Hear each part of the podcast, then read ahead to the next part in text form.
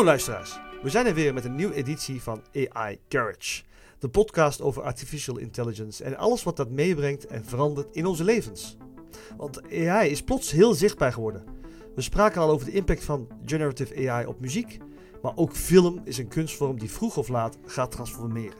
Misschien is het al gebeurd. We zien de eerste experimenten al langskomen en we blijven sceptisch. Kan AI echt veranderen hoe we film maken? Hoe acteurs zo centraal zijn aan deze kunstvorm die wortels heeft in het theater? We zien de eerste impact al. We hoeven niet te zoeken naar een jonge Indiana Jones acteur. De nieuwe film ziet geen terugkeer van de acteur die de zoon van Harrison Ford spelen. Nee, met AI ziet Ford er weer uit als 30. Kortom, we zijn al over de drempel en de deur valt in het slot. Wat doet dit met onze kunstvorm, met deze kunstvorm? Hoe gaat het veranderen hoe we naar de film en tv kijken?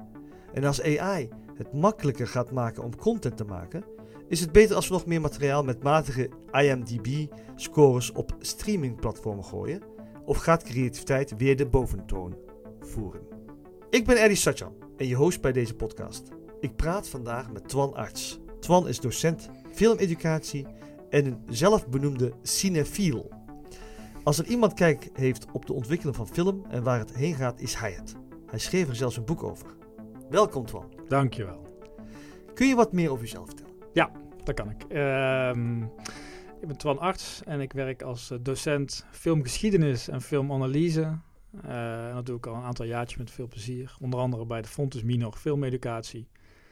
Um, en ja, een zelfbenoemd cinefiel. Ik, eh, een passie voor film die, die loopt door mijn aderen heen, al sinds mijn geboorte. En, um, uh, en ik, heb er, ik heb het geluk dat ik er nu ook gewoon iets mee mag doen waar ik gewoon centen voor krijg. Dus dat is helemaal tof. Om die liefde over te brengen, de liefde voor cinema, aan uh, jonge filmmakers of filmstudenten. Ja, ik weet vanuit jou dat mhm. jij zelfs een grafsteen hebt. Of, ja. van een filmset. Ja, nou, kun je, of, ja, iets, kun je daar iets meer over vertellen? Ja, zeker. zeker. Uh, het kan, met risico dat mensen nu denken, wat is dat voor iemand die daar zit, hè? Ken je de film The Good, The Bad and The Ugly? Yes. Dat is een klassieker, een spaghetti western uit de jaren 60. En die is opgenomen in Noord-Spanje. En ik weet niet, ken je de eindscène waarin The Good, The Bad and The Ugly op een soort van rond uh, kerkhof terechtkomen. Er staan duizenden kruisen en in een van die graven ligt dan de schat. Nou, dat, uh, dat kerkhof dat hebben ze destijds echt gebouwd met hulp van het Spaanse leger. Is vervolgens verwaarloosd en is mos overheen gaan groeien en weet ik allemaal wat. Totdat een jaar of tien geleden, je kan de documentaire hierover trouwens ook op Netflix zien, er een aantal enthousiastelingen waren en die ontdekten in the middle of nowhere de plek waar toen dat iconische uh, uh, die iconische scène is opgenomen. En ze zijn toen een crowdfunding actie gestart om die set weer terug te brengen naar de oorspronkelijke staat zoals die in de jaren 60 was. En je kon dan deelnemen aan die crowdfunding actie. En als je betaalde, dan zorgden zij ervoor dat een van die kruisen, dat jouw naam erop kwam te staan. dus eh, als jij nu naar Noord-Spanje gaat, Andalusië, naar de plek waar dat, uh, dat kerkhof is, er staan daar duizenden kruisen. En op een van die kruisen staat Twan Arts. Ik mag er niet gaan liggen als ik dood ben. Nee, nee, oh ja. ik weet niet of je het wilt, maar... Nee, ja, ja, nou ja, op zich, waarom niet? Begraven worden op een uh, iconische filmplek, dat lijkt me wel wat. Nou, je schreef er een boek over, hè? Ik heb de titel nog niet genoemd. Um, het lijkt wel een film. Het lijkt wel een film. Ja. Ik, heb, ik ben ermee begonnen hoor. Uh, ik ben nog niet klaar. Het, het, het, het, zorgt er wel voor dat ik iedere keer uh, op YouTube moet zoeken naar uh, de scènes en de films. Mm -hmm. en, en, prachtig om de geschiedenis daarvan erin te gaan. Ehm, kun, je, kun je nu al vertellen wat AI, waarvoor AI gebruikt wordt? Of kun je vertellen waarvoor AI gebruikt wordt in de film? Zo'n beetje op ieder aspect. Um, en dat zie je echt wel dat dat een verandering is van de laatste twee jaar. Dus uh, jij noemde het als voorbeeld heel mooi een verjongde Harrison Ford. Nou, dat, dat wordt al een aantal jaren wel gedaan. Sterker nog wel een stap verder. Een acteur die niet meer leeft, wordt weer uh, tot leven gewekt. Uh, maar je ziet nu eigenlijk dat op zo'n beetje ieder aspect in pre-productie, productie en postproductie AI terugkomt. En dat varieert van de voor de hand liggende voorbeelden als de effecten die je op het scherm ziet maar ook um, um, score, de muziekscore, die volledig door AI is gemaakt. Maar ook script, deel van script wat in AI wordt uh, gemaakt. Wordt gebruikt voor uh, het opzetten van een storyline. Um, is zo'n beetje ieder aspect. Eh, dubbing is ook dat is wel een heel interessante. Eh, je hebt natuurlijk een film die wordt opgenomen, een Engelse film. En wij zijn gewend in Nederland dat er netjes een Nederlandse ondertiteling bij komt.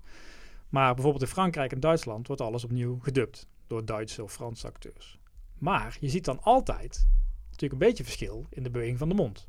Nou, middels AI kunnen ze ervoor zorgen dat die lippen van Harrison Ford net iets anders bewegen, waardoor eh, het lijkt alsof hij ook Duits spreekt. Prachtig. Het is, eh, dit is goed. Ja, dat, ik weet niet of het prachtig is, maar Eh, het ja, is een ja, ontwikkeling. ik- Ja, Ik, ik kijk liefst, eh, misschien ben ik zo opgevoed in Nederland, het liefst naar films met ondertiteling. ja, eens. Ja. Maar- daar, daar heb ik ook mijn Engels van geleerd trouwens. ja, dat is één. En twee is, ik, ik wil gewoon de stem horen van de acteur. Ja. Dus op het moment dat ik Harrison Ford in het beeld zie, om toch maar bij hem te noemen, dan wil ik zijn stem horen. En niet Jan Jansen uit, uit Beverwijk die het heeft, heeft ingesproken. Oké, we, we, we hebben positieve ontwikkelingen binnen AI en de filmwereld. Dus eh, het wordt al ingezet, eh, Ja. eh, mensen worden verjongd, dode acteurs worden in leven geroepen. Daar kunnen we, kunnen we over hebben, over de ethiek en of dat wel Mhm. gepast is. En wilden die dode acteurs, of overleden acteurs moet ik zeggen, dat wel? Aan de andere kant zie je nu ook een, iets van bijvoorbeeld Tom Hanks en anderen die zeggen van, ik zal... eh, je moet me helpen met. ehm, die zeiden van. Jullie kunnen dit ook na mijn dood mij gebruiken. Ja. Of dit gaat gebeuren. Ja, klopt. Bruce Willis heeft volgens mij zijn rechten ook verkocht. Ehm, Bruce Willis is met pensioen gegaan, vervroegd pensioen, omdat hij een, een ziekte heeft. Ehm, maar hij heeft zijn rechten verkocht, zodat ook na zijn dood men hem kan gebruiken in films. Maar goed, de acteur waar ik het net over had, bijvoorbeeld iemand die is 30 jaar geleden al overleden. En zijn nabestaanden hebben wel toestemming gegeven. Wie was dat? Nog? ja, Peter Cushing zit in eh, Rogue One, bijvoorbeeld. Nou, die man die is volgens mij in de jaren 80 of 90 overleden. En die film die is een jaartje of tien geleden uitgekomen. Dan kun je je afvragen van ja, is dat wel ethisch? Mhm. En wat is dan de volgende stap? Want nu had hij nog netjes kleding aan. Gaan we hem dan ook laten zien in ontbloot bovenlijf? En Of in een pornofilm. ja, of dingen laten doen waarvan we denken van goh, Wat vind jij ervan? Ehm, ik vind het is wel een hele goede film trouwens. Maar eh, wat vind ik ervan? Ik vind wel, ehm, ik vind het heel tof. Zolang het, kijk, ik ben een filmliefhebber. Eh, dus als ik alle de ethische kant opzij schuif en alles even opzij schuif, in de basis ben ik een filmliefhebber. En als de, als de techniek goed is, kan ik ervan genieten.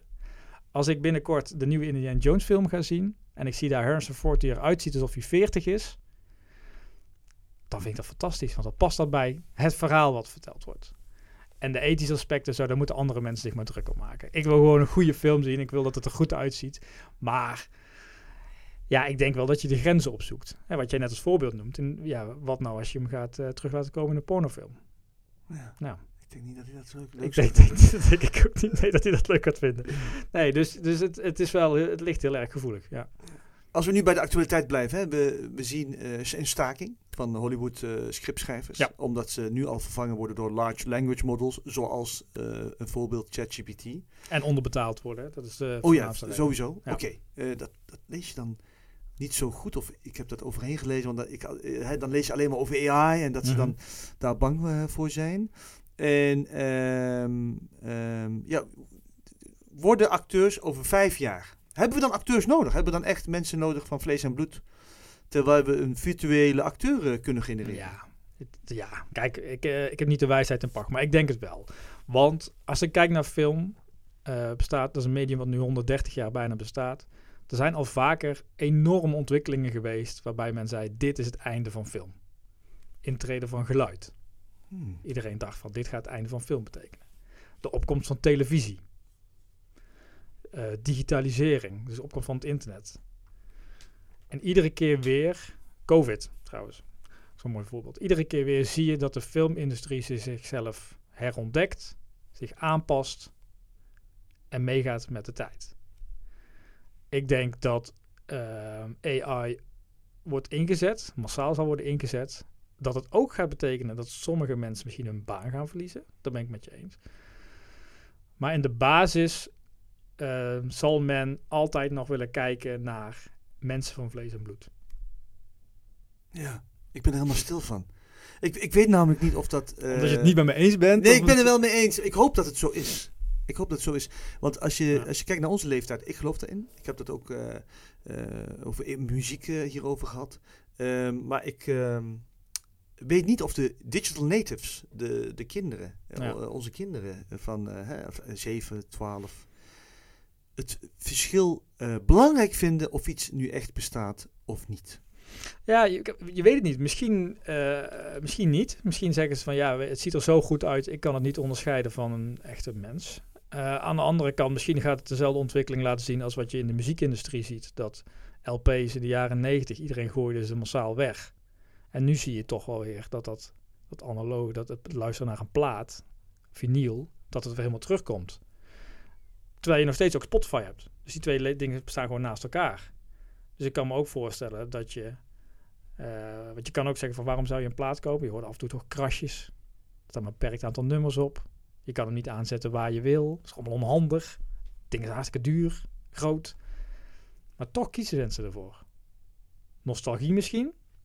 Ook omdat ze zeggen, ja, ik vind de kwaliteit toch net iets mooier. Nou, hetzelfde zou je kunnen zeggen voor acteurs. Waarom ga je naar een film acteurs in zitten als je ook eh, AI-gegenereerde eh, acteurs kan hebben? Nou, misschien nostalgie. Misschien dat je zegt, ja, ik zie toch een klein nuanceverschil. Waarom zijn er filmmakers die nu nog steeds zeggen, ik film op, eh, op film, niet digitaal? Omdat ze zeggen, ik vind dat toch nog steeds, en ik denk ook dat het een stukje nostalgie is, maar nog steeds dat de kwaliteit, dat het iets warmer is, dat het echt oogt als film en niet te blikkerig. Daarom kiezen sommige filmmakers zoals Tarantino voor om altijd op film te filmen. Ja, ik hoop dat hij niet stopt trouwens. Hij zegt dat hij stopt met films maken. Maar... Hij stopt. Ik Maar- hoop echt dat hij doorgaat. Nee, hij, gaat het, nee, hij heeft het nu honderd keer gezegd. Ik ben ook, eh, hij was onlangs in, in, in Nederland. Hè? Toen eh, heeft hij een lezing gegeven in Carré. Daar was ik ook bij. Hij maakt nog één film. Maar hij zegt ook, dat wil niet zeggen dat ik daarna niks meer doe. Hij zegt, ik ga denk ik een tv-serie produceren. Ik ga boeken schrijven. Ik, hij heeft een eigen bioscoop in eh, Los Angeles. Maar, maar hij gaat geen films maken. Hij is trouwens een groot tegenstander hè, van alles wat met AI te maken heeft. Oké, maar is hij... eh, net zoals overal eh, eh, is er polarisatie. Je hebt dus voorstanders van AI Ja. en je hebt tegenstanders van AI. Ja. Wie gaat het, wie gaat het verliezen? Ik denk dat er. ehm, ik denk op het moment dat AI ervoor kan zorgen dat, het, dat er een geldbesparing wordt gerealiseerd, dan gaan de grote mainstream films, daar gaat AI het winnen. De arthouse films, daar gaat AI het niet winnen. Ik denk dat je daar een onderscheid gaat zien. We hebben het nu al gehad over de Hollywood-producties en de grotere jongens en meisjes eh, in het Ja. veld. Maar iedereen kan nu film maken. Ja, dat was eigenlijk al. Dat was eigenlijk al wel een beetje. Dat was wel, maar het wordt nu makkelijker. Het wordt nog makkelijker. Ja. Ja, de, de text Ja. to video Ja. is nu hè, de generative eh, AI, text to video. Eh, je ziet een paar voorbeelden. Je ziet bijvoorbeeld Will Smith in een spaghetti-reclame op een hele vreemde manier. Het lijkt niet op Will Smith, ook weer wel Ja. spaghetti eten. Ja. Dat blijft je continu doen. Ja. Eh, maar als je wat doortrekt over vijf jaar. En iedereen die iets van, eh, nou vijf jaar is misschien zelfs te lang, over twee jaar. Als iedereen nu een film wil maken, het ook genereert en het online zet. Dus enorm veel content. Ja. Ja, ehm, Wil jij niet een film maken? dat is een andere vraag. Maar Oké, ik een stap. Maar als je het hebt over. Er is enorm veel content. Maar er is wel een verschil tussen content en een film. oké. Of kwaliteit. Of iets wat, wat een verhaal wil vertellen. Kijk, nu wordt alles. Eh, Martin Scorsese zei dat een paar jaar geleden in een interview ook. Van tegenwoordig wordt de nieuwe film van. Ja, hij noemde dan een oud regisseur Fellini. Maar de nieuwe film van, van hem wordt eh, vergeleken met een videootje van twee katten die op TikTok staat. En alles is content. Maar er zit natuurlijk wel een duidelijk verschil tussen die twee in. Ik vind. ehm, dus ik vind content vind ik ook zo'n beetje, beetje, een, beetje een smerige term. Oké. Alsof alles wat, waar bewegend beeld in zit, dus dezelfde kwaliteit heeft. Krijg je ook van, dat soort opmerkingen. Maar ik vind voor jonge filmmakers, Ja. denk ik dat dit heel veel kansen biedt. Om, en net zoals dat we de digitalisering van de afgelopen 20 jaar, opeens is het mogelijk gewoon om, heb jij alle materiaal in huis om zelf te filmen, zelf te monteren. Als je bedenkt hoe je voor de, voor de eeuwwisseling moest monteren, dat was voor jonge filmmakers niet te doen. Dat was veel te duur, dan moest je die, van die montagetafels hebben. Nu heb je het gewoon met gratis software, kan je het gewoon doen. En met nog meer mogelijkheden dan, dan 30 jaar geleden. Eh, vroeger, als je film had gemaakt, de kans dat, die, dat je hem kon vertonen was gewoon heel klein. Nu gooi je hem online. Dus ik vind, dat vind ik voor jonge filmmakers alleen maar mooi dat er nog meer mogelijkheden gaan komen voor ze. Uiteindelijk ga je toch zien dat je moet wel talent hebben als filmmaker. Dus je kan alle tools hebben, denk ik. Maar als je op een gegeven moment niet weet hoe je ze goed in kan zetten, dan denk ik dat je nog steeds een verschil gaat zien tussen iets wat, waar echt talent in zit, waar echt iemand zeg maar over na heeft gedacht, of iets wat volledig AI gegenereerd is. Eh, laten we hier even, nog even kort bij blijven. Mhm. Eh, ik zie al voorbeelden op eh, LinkedIn, op social media, van mensen die bijvoorbeeld een script hebben laten schrijven door ChatGPT. Ze hebben een, een foto of een beeld laten genereren door Ja. Midjourney. Ja. Ze hebben het met een andere tool, DID of een andere tool, hebben ze het laten animeren. voice cloning wordt Klopt. gebruikt. En dat, dat, dat editen ze, of laten ze editen door Ja. AI. En je hebt een film van eh, twee minuten waarin eh, iemand, een Viking, eh, Ja. iets vertelt. Ja. Het ziet er nog, je kunt nog wel zien dat het fake Ja. is, hè? of dat het raar is, of dat het niet echt. Ja. ja. je knikt al. Maar het wordt steeds beter. Klopt, ja. Dus nogmaals, hebben we over een paar jaar nog filmproducenten nodig? Ja, het is, het is een hele lastige vraag. Het is, eh, ik snap helemaal je, je hebt, punt. je hebt ik denk dat jij, je gevoel zegt iets anders dan misschien dan je. Ja, klopt. Dat is een terecht punt. Ja, nee, ik denk, het, het, nu zie je het nog, maar over een aantal jaren dan eh, ziet het er gewoon zo goed uit. Dat als jij tegen mij zegt van, Twan, ik heb hier twee video's. Eentje is gemaakt met, met, door vlees en bloed en de andere volledig AI, dat ik het verschil niet ga zien. Als filmliefhebber wil ik in de basis gewoon een goed verhaal hebben. Wil ik kunnen genieten, dus vind ik het minder belangrijk. Maar jouw vraag, wat heb je dan nog nodig? Ik denk dat je dan... Ik denk dat ehm, sommige banen zullen, zullen niet meer bestaan en sommige zullen zich gaan eh, heruitvinden. Dat denk ik wel. Dus een AI filmmaker. Ja, bijvoorbeeld. Ja, ja. ja en, en nogmaals wat ik zei, ik denk dat de mainstream cinema, die gaat hier echt door veranderen. Want ehm, omdat het kosten bespaart, dat is de voornaamste reden uiteindelijk. Dus dat gaat ten koste van talent. Maar de kleinere films, die gaan er bewust voor kiezen, denk ik, om AI te mijden. Ja, die, die kleine films, die, soms komen ze op eh, mainstream eh, Ja. eh, streamingsdiensten. Maar je ziet meestal gewoon Hollywoodfilms die daar worden getoond. En af en toe wat internationale films. Ehm, denk je dat door wat je net zei over die platen, hè, denk je dat die kleine films nu in één keer populairder gaan worden? Dan een Hollywood blockbuster. Dat zou best kunnen. Ehm, ik, dat denk ik wel. Ik denk dat je, je ziet dat nu ook wel een beetje soms. Hè, eh, ook al in de digital natives generatie. Dat sommigen ervoor juist voor kiezen om de andere kant op te gaan. Dus ik denk dat je dat in alle kunstvormen wel weer gaat zien. Waar je dat bij muziek dus ziet. Zul je dat ook bij films zien. Het, het zal een kleinere groep zijn. Ehm, Ja. Maar mijn, mijn volgende vraag heeft niet, niet zozeer meteen te maken met AI. Hoe, denk jij over al die streamingsdiensten? En wat voor effect het heeft? Iedereen zei door die streamingsdiensten gaat, eh, gaan de bioscopen eraan. ja. Maar nu... ehm, eh, nou ja, het is, het is eigenlijk weer, het, het is gewoon weer een volgende horde waar bioscoop-eigenaren overheen moeten. Want in de jaren 50, toen tv er opeens was, toen zeiden ze dat ook. En in de jaren 80, jij hebt ook nog VHS-banden gehuurd. Ja. ja. Toen zeiden ze dat ook. en gekopieerd. En gekopieerd. Precies. En DVD, toen werd de kwaliteit beter. We hadden thuis een home, home sound system, weet ik allemaal wat. En nu komt dit erbij. Dus eh, een biosco- wat je wel ziet, de, het bioscoopbezoek is nooit meer zo hoog geweest als voor de introductie van televisie. Toen ging men echt meerdere keren per week naar de film met het hele gezin. Dat is niet meer, maar dat is al 60, 70 jaar niet meer. Blijven bioscopen een functie hebben? Ja. Maar je ziet wel dat filmhuizen zoekende zijn. Dus bijvoorbeeld veel meer met specials werken. Dus dat je een film laat zien, maar van tevoren een inleiding geeft. Of een nabespreking. Of Dat doe je ook soms, hè? dat doe ik soms ook, ja. Dus ik ben hier op preken voor eigen parochie. Nee, maar dus je ziet, da- daar gaan ze naar op zoek.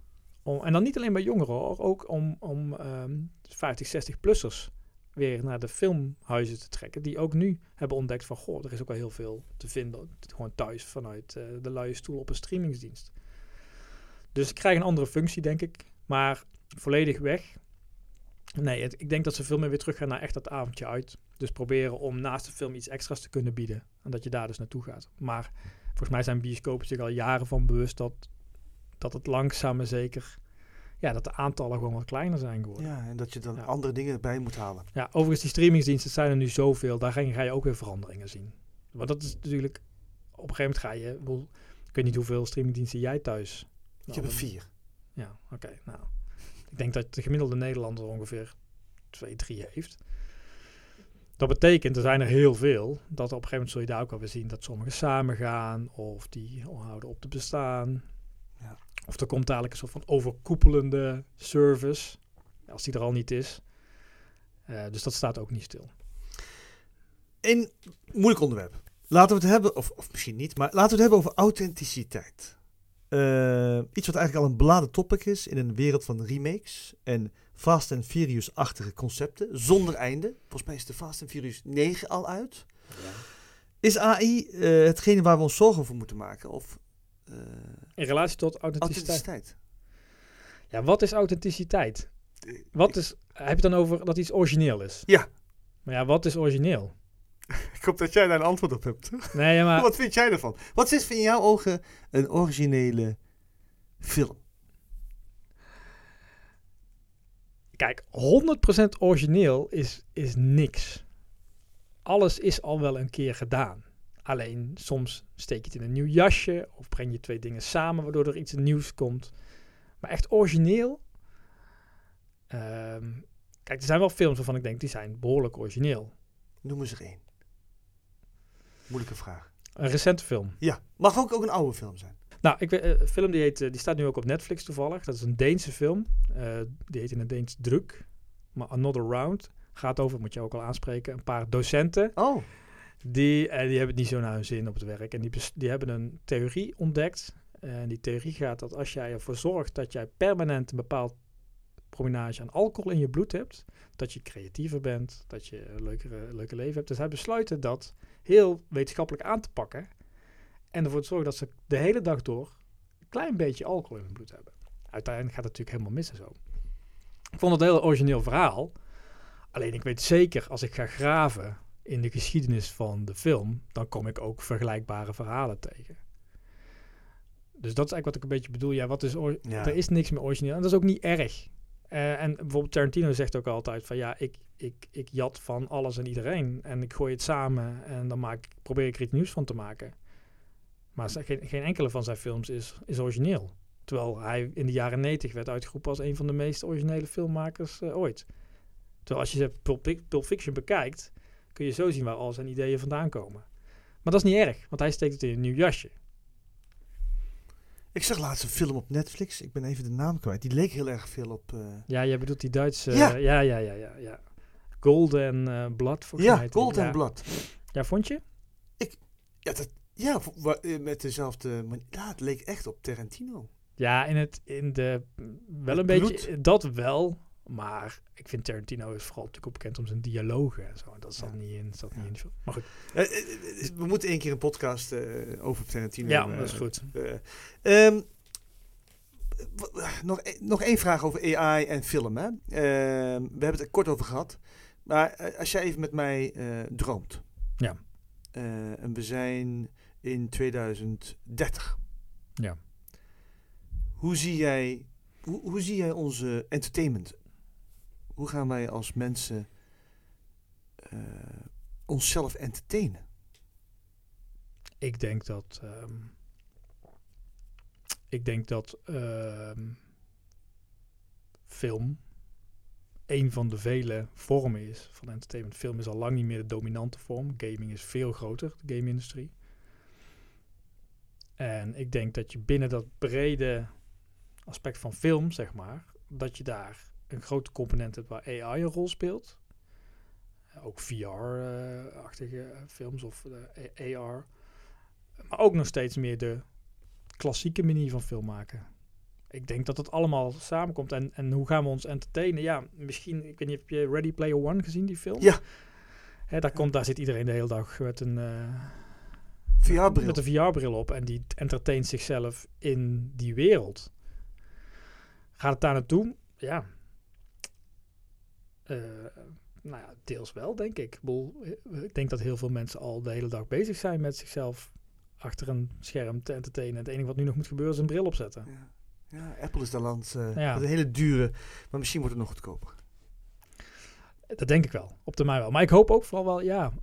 maar goed, kijk, ik ben natuurlijk ook al eh, 40, hè, dus dat is ook alweer... eh dus ik begin al nostalgisch te worden. Denk, ja, maar ik kan ervan genieten om in een bioscoop te zitten. Zeg Ik ook. Ja, Ik, het is echt voor een, ons een uitje. Ook Ja. voor de kinderen. Ik heb Ja. ook geen abonnement. Ik ben eigenlijk tegen abonnementen. Omdat je dan tussen aanhalingstekens gedwongen wordt ja. om eh, te gebruiken. Terwijl het nu... eh, ik merk hetzelfde bij mensen die een Efteling abonnement hebben. De kinderen vinden er helemaal niks meer aan. Nee, Omdat ze iedere week naar de Efteling gaan. Nou ja, dus het zit hem toch een beetje in. Ik denk dat een bioscoop toch nog iets meer dat exclusieve karakter krijgt. Dus je gaat er wat minder vaak naartoe, maar als je naartoe gaat, is het echt een uitje. Uitje. Ga je dan, en, dan, en dan misschien, kijk wat ze vroeger hadden, en ik vind het echt best een tof idee. Dan ging je niet naar de bioscoop voor één film.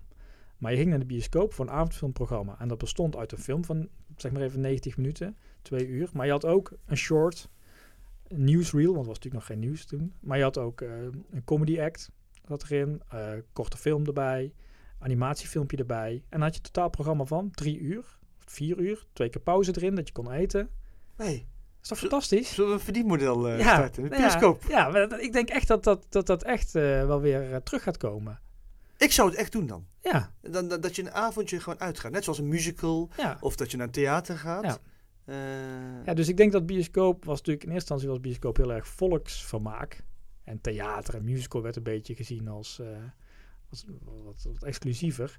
En ik denk dat je film nu iets meer die kant op ziet gaan. Dat mensen echt zeggen, we gaan een avondje uit en dan gaan we naar een filmhuis. En dan zit zo'n totaalpakket aan dingen die we dan gaan doen. En als ze even snel een film of een serie willen kijken, dan doen ze dat thuis. Twan, wil je nog iets meegeven aan de luisteraars? Ben ik iets vergeten te vragen? Wil je nog... eh, natuurlijk wil ik als laatste van jou horen waar we het boek kunnen aanschaffen. Maar eh, kun je- Ja. wil je nog iets meegeven? Nou ja, als het gaat over AI en film, ik, ik zou twee groepen willen scheiden. Eén is de filmmakers. En daarbij denk ik, ehm, is de uitdaging gewoon dat ik zou enerzijds is omarm het. Probeer niet te denken van hoe kan ik, hier, hoe kan ik AI en ontwikkelingen omzeilen, maar kijk vooral hoe kan ik het voor mezelf gebruiken. En dat kan je heel erg, want opeens heb je niet meer een componist nodig die jou moet helpen bij, jou, bij jouw film, bij jouw eh, postproductie, maar kun je zelf aan de slag. Dus als filmmaker probeer het te omarmen, denk ik. En als filmliefhebber, en dan de discussie AI en film. Ik denk in de basis, op het moment dat jij een film hebt gezien van een uur. En jij bent ontroerd of je, bent, je hebt het gevoel gehad dat je bent meegenomen naar exotische werelden. Of je hebt een horrorfilm gezien en je hebt echt lopen griezelen in de, in de bioscoop.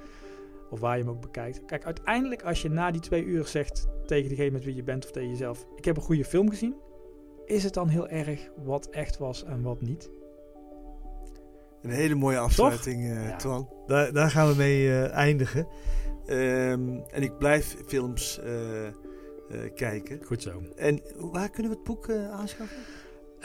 Sowieso online, bij alle online boekzaken. Om de bekende, ik zal geen reclame maken voor een paar. Nog één titel, nog, nog één keer de titel? Het lijkt wel een film. Het lijkt wel een film van Ja. Twan Arts. Heel erg bedankt voor je aanwezigheid en Graag eh, voor de informatie. Ehm, beste luisteraars, bedankt voor jullie aandacht. We hopen dat jullie er weer bij zijn voor onze volgende aflevering. Tot dan!